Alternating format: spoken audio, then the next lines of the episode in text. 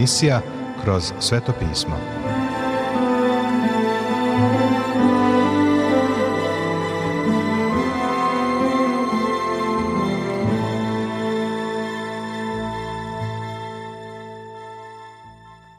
Dobroveče, poštovani slušaoci i dobrodošli u još jednu emisiju programa Kroz sveto pismo, programa koji je za vas napisao Vernon McGee, a pročitao Branko Bjelajac. Želimo vam prijetno i blagoslovljeno slušanje.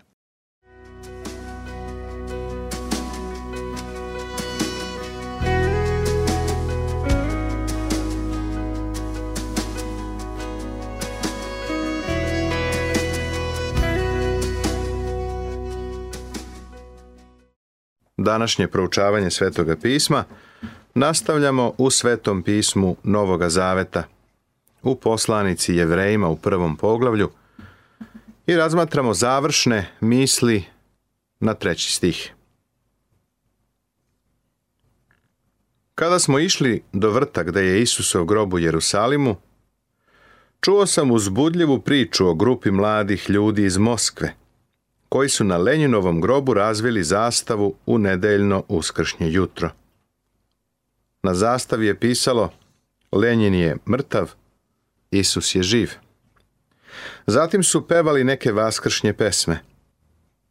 Ne znam da je Iko, zahvaljujući ovome, postao vernik, ali je ovo zaista bio hrabar potez omladine. Njihova poruka je bila poruka poslanice jevrejima svetoga pisma Novog Zaveta. Lenjin je mrtav, Isus je živ. On nam može pomoći. Njemu se možemo obratiti. To je ta divna poruka poslanice jevrejima. Kada je seo sa desne strane veličanstva na visinama, poneo je slavu koju niko nije imao, telo koje je na ovoj zemlji dao za naše izbavljenje.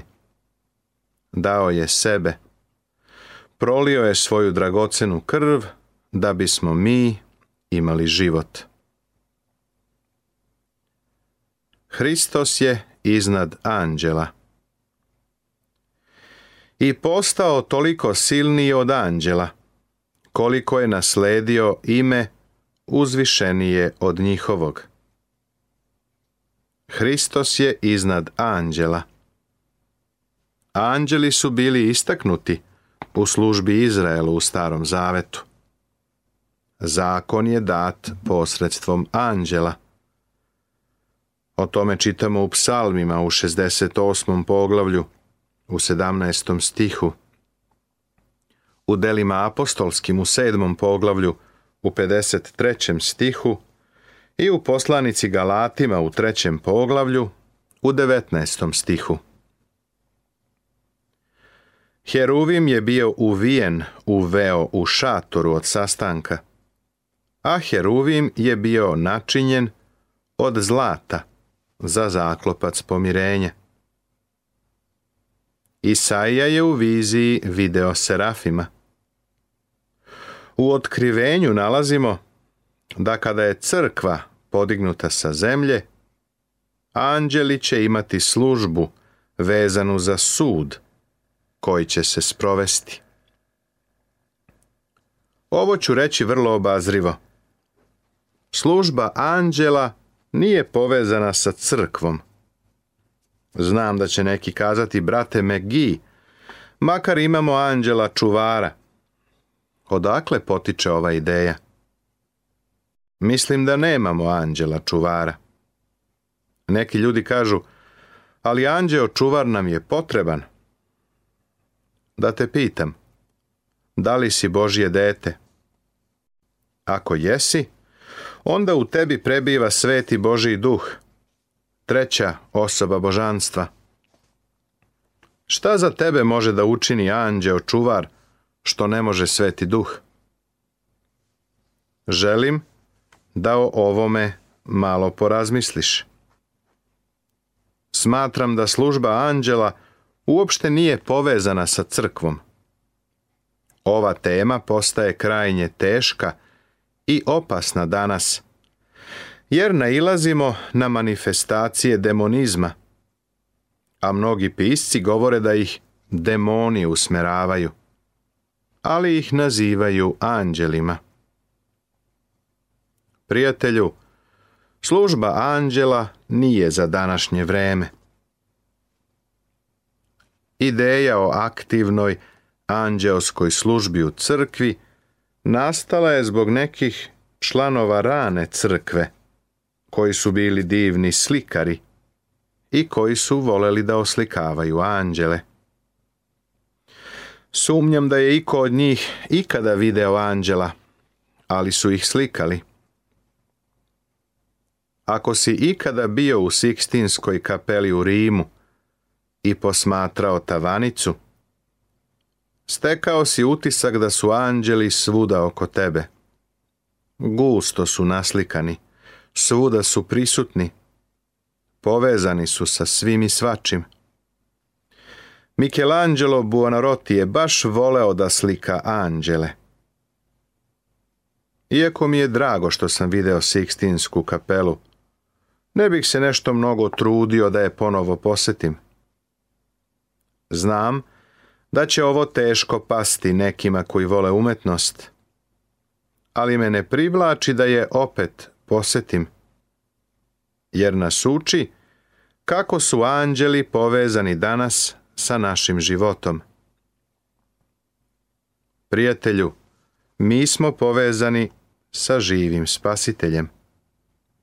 Stavimo anđele po strani, jer do Boga ne dolazimo preko njih. Imamo Svetoga Duha, imamo Hrista, našeg velikog zastupnika. Ne dozvolimo da naš um bude zaokupljen anđelima, nego se usredsredimo na Hrista. On je iznad anđela. I postao toliko silniji od anđela. Reč anđeo prosto znači glasnik i osim toga nema nikakvo drugo značenje. Anđeli su obožavali gospoda Isusa. Oni su stvorena bića. Hristos je bolji od anđela, a ova rečenica iz poslanice jevrejima za nas je konačna i dogmatska. Mnogi veruju da se izraz anđeo gospodnji u starom zavetu odnosio na Isusa. Ali u novom zavetu on je postao čovek. Uzeo je na sebe oblik čoveka, pa više ne mora da se javlja kao anđeo. On je čovek, Isus Hristos.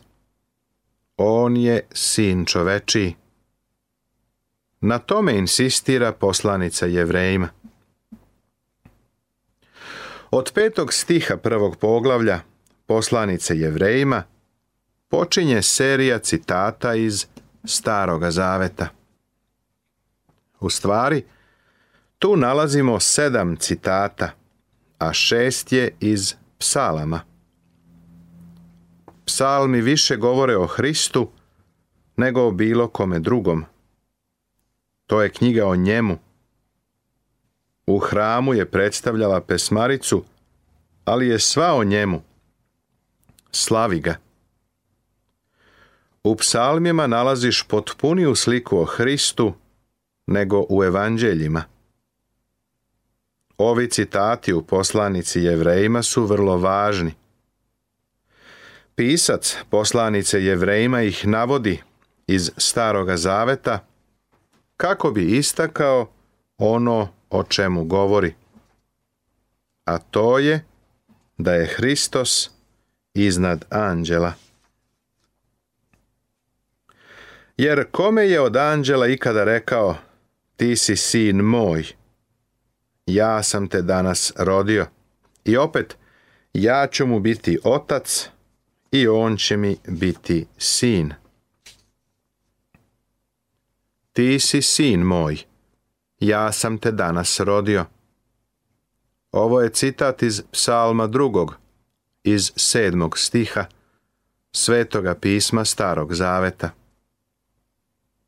A u delima 13. poglavlju svetoga pisma novog zaveta zabeležena je velika Pavlova propoved, održana u Antiohiji Pisidijskoj, gde je on baš citirao ovaj sedmi stih – drugog psalma.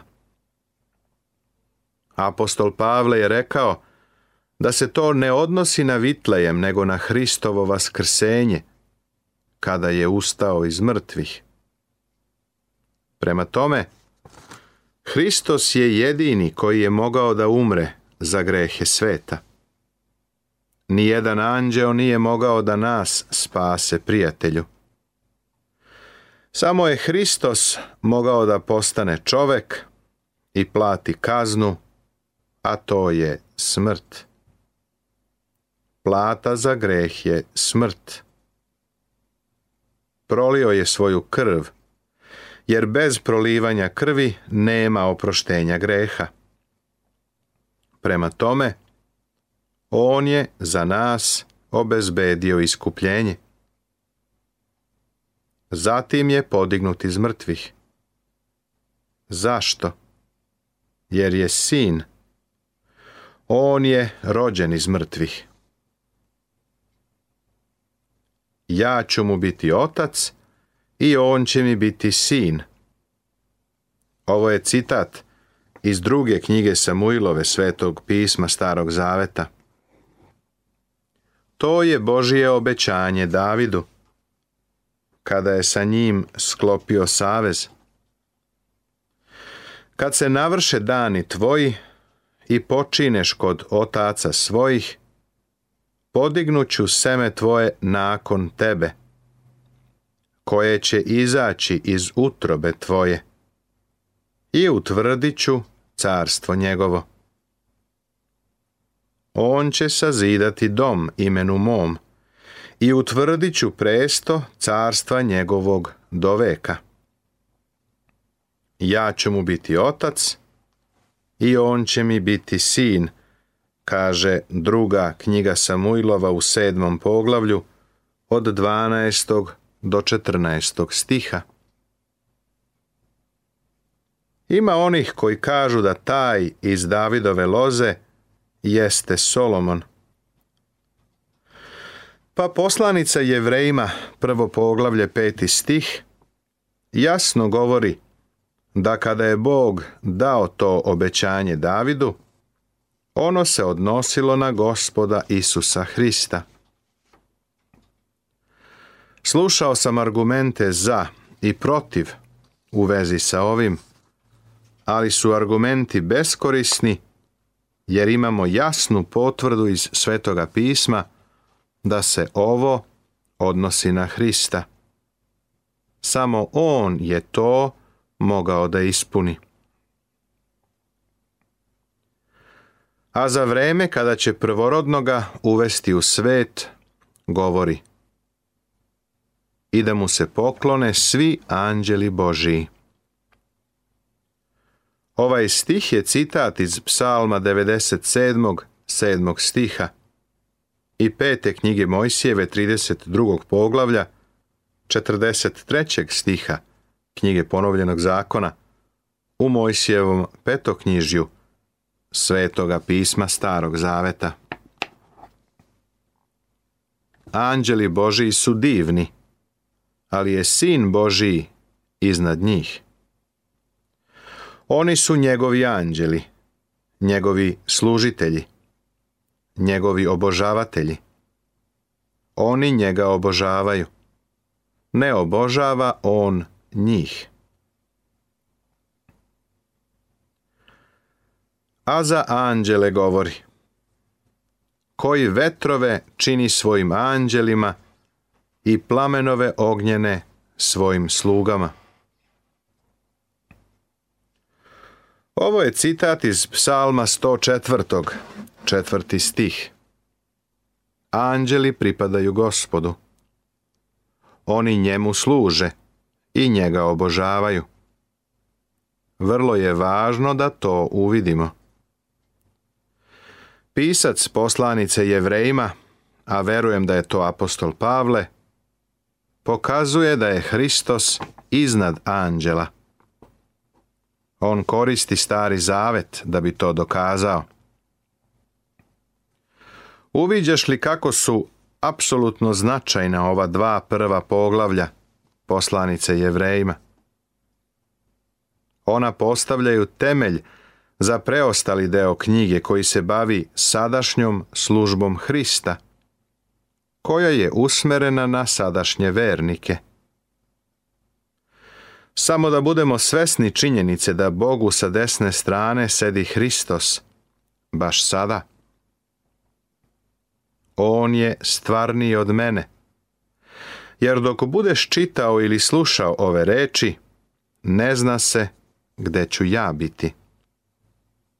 Ne znamo šta nam nosi novi dan. Ali Hristos će biti gore Bogu, s desne strane, za tebe i mene. On je stvarni, živi Hristos danas. Lako je razumeti da su anđeli bili vrlo važni za jevreje, jer je većina njih poznavala stari zavet. O anđelima su razmišljali kao o bićima koja su odmah do Božijeg trona. Čitali su o tome kako su se anđeli pojavljivali mnogim Božijim slugama i mnogim prorocima. Anđeli su za njih bili vrlo važni. Kao što sam već spomenuo, ne verujem da danas anđeli imaju službu koja je usmerena na crkvu. Ne verujem da se anđeli pojavljuju ljudima. Ako misliš da si kad video anđela, treba sa lekarom ili sa psihologom da proveriš šta je u pitanju. Jer jesi video nešto ali ne anđele. Ovo me je podsjetilo na dva čoveka koja su se srela posle dugo vremena. Jedan od njih je rekao, jesi li se oženio? Drugi je odgovorio, jesam. Prijatelj ga je zapitao, kakvu si devojku oženio? Ovaj je odgovorio, pa oženio sam anđela. Prijatelj mu je odvratio, Baš si srećen. Moja je još živa. Ljudi nikada ne postaju anđeli. Bog je ovaj svet tako načinio da u njemu postoje vidljive i nevidljive stvari. U poslanici Kološanima u prvom poglavlju u 16. stihu Svetoga pisma Novog Zaveta čitamo da je Hristos stvorio i ono što je vidljivo i ono što je nevidljivo. Na primjer, atom ne vidiš, ali je on materijalan i pretvara se u energiju. Bog je stvorio razumna bića koja su iznad čoveka. Živimo u svetu za koji je gospod rekao U domu moga oca ima mnogo stanova. Vidio tome evanđelje po Jovanu 14. poglavlje, drugi stih. Stvorena bića žive u tim stanovima. A Bog je još mnogo više mesta pripremio, više nego što i sanjamo. Čovek ne potiče od životinja. Postoji materijalno carstvo. Postoji životinsko carstvo. Postoje stvorenja ispod čoveka i stvorenja iznad čoveka nismo potekli od životinja i nikada nećemo postati anđeli. Možda znaš za pesmu Želim da budem anđeo i sa anđelima da pevam. Kada sam kao dečak odlazio nedeljom na veronauku, veroučitelj bi postavio u red dečake. Ja sam bio jedini dobar dečko na času. I onda bi nas terao da pevamo Želim da budem anđeo i sa anđelima da pevam. Posljednje što sam želeo bilo je da budem anđeo. Tako nekako mislim i danas. Vrlo sam srećan što sveto pismo jasno govori da neću postati anđeo. Reč anđeo, grčki angelos, znači glasnik i može se primijeniti na ljudskog ili božanskog glasnika. Postoji red među nadprirodnim bićima i taj red nalazimo u Svetom pismu. Mislim da bismo se vrlo iznenadili da saznamo koliki je broj anđela na svetu. Oni se nazivaju vojskom nebeskom, a to znači da ih je mnogo. Njihov broj nije ni povećan, ni umanjen, ali nemamo predstavu o tome koliko ih je. U Božijem planu oni imaju važnu ulogu, ali je Gospod Hristos iznad njih. Stihovi iz psalma 45. koji su citirani u osmom i devetom stihu prvog poglavlja poslanice jevrejima, pokazuju da je to jedan od najlepših mesijanskih psalama. Jedan drugi psalam, 45. govori da iz loze Davidove dolazi onaj koji će vladati u pravednosti. Zavoleo si pravednost i omrzeo si bezakonje. Ovo je divna izjava. Nastavit će se.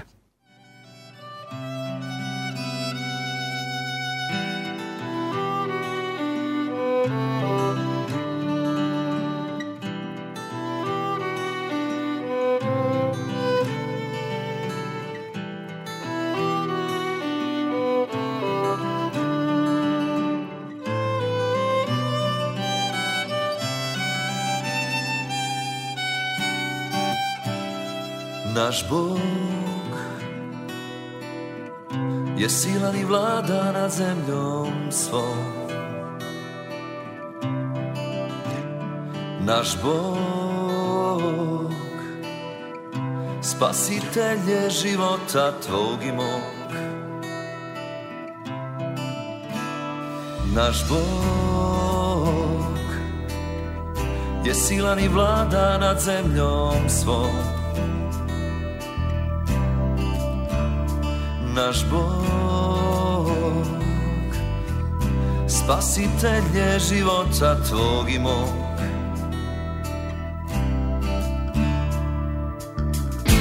Sila ratni konje Vladar neba i zemlje Onaj pred kim će se svako klanjati Iznad njega nema Ono koji vlada jer on je Bog, jer on je Bog. Pusti ga da uđe u život tvoj, jer on je rekao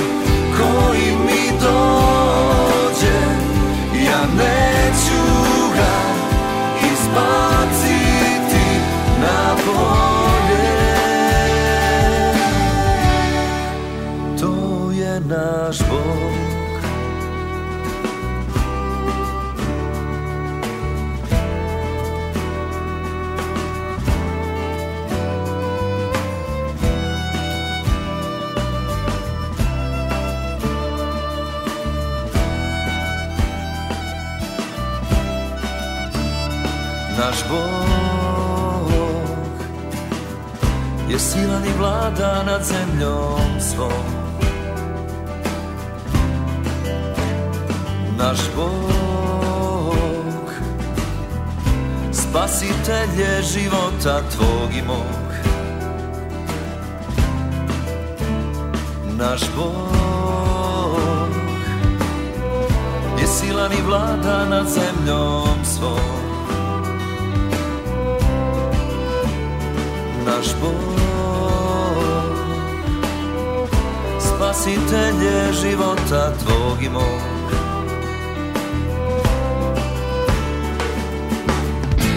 Sila ratni konje, vladar neba i zemlje, onaj pred kim će se svako klanjati. Iznad njega nema ono koji vlada, jer on je Bog, jer on je Bog.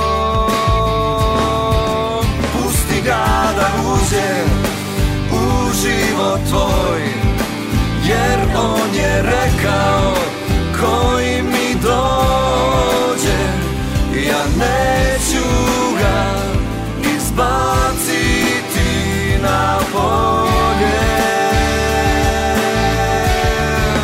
Pusti ga da uđe u život tvoj Jer on je rekao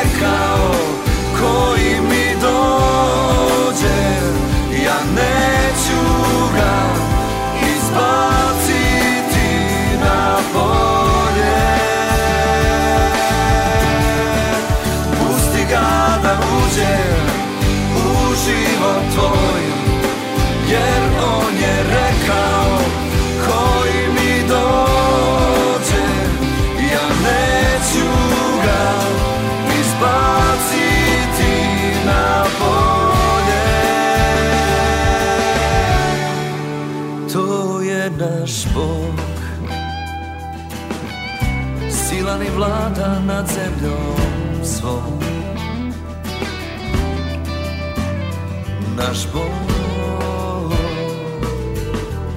Spasitelj je života Tvog i mog. Naš Bog je silan ni vlada nad zemljom svom. Naš Bog, spasitelj života Tvog i mog. naš Bog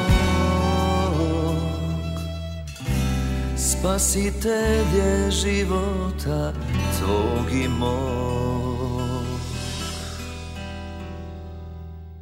Poštovani slušaoci, završena je još jedna emisija iz serijala Kroz sveto pismo. Ovaj program možete da slušate svakog radnog dana na talasnoj dužini od 1548 kHz u vremenu od 22 sata do 22 sata i 30 minuta.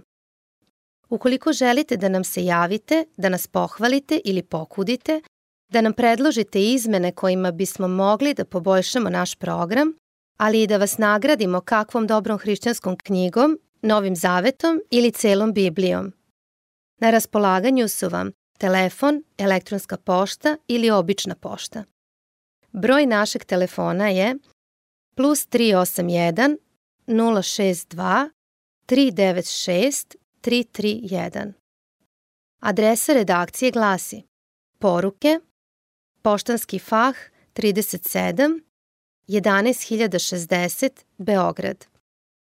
Elektronskom poštom nas možete kontaktirati na krosvetopismo at gmail.com Takođe, pripremili smo vam i web stranicu na kojoj možete pronaći sve naše programe. Adresa web stranice je www.twr.serbia.org. To bi za večeras sa naše strane bilo sve. Pozdravljaju vas i žele vam Božiji blagoslov Branko, Nebojša i Monika. Laku noć.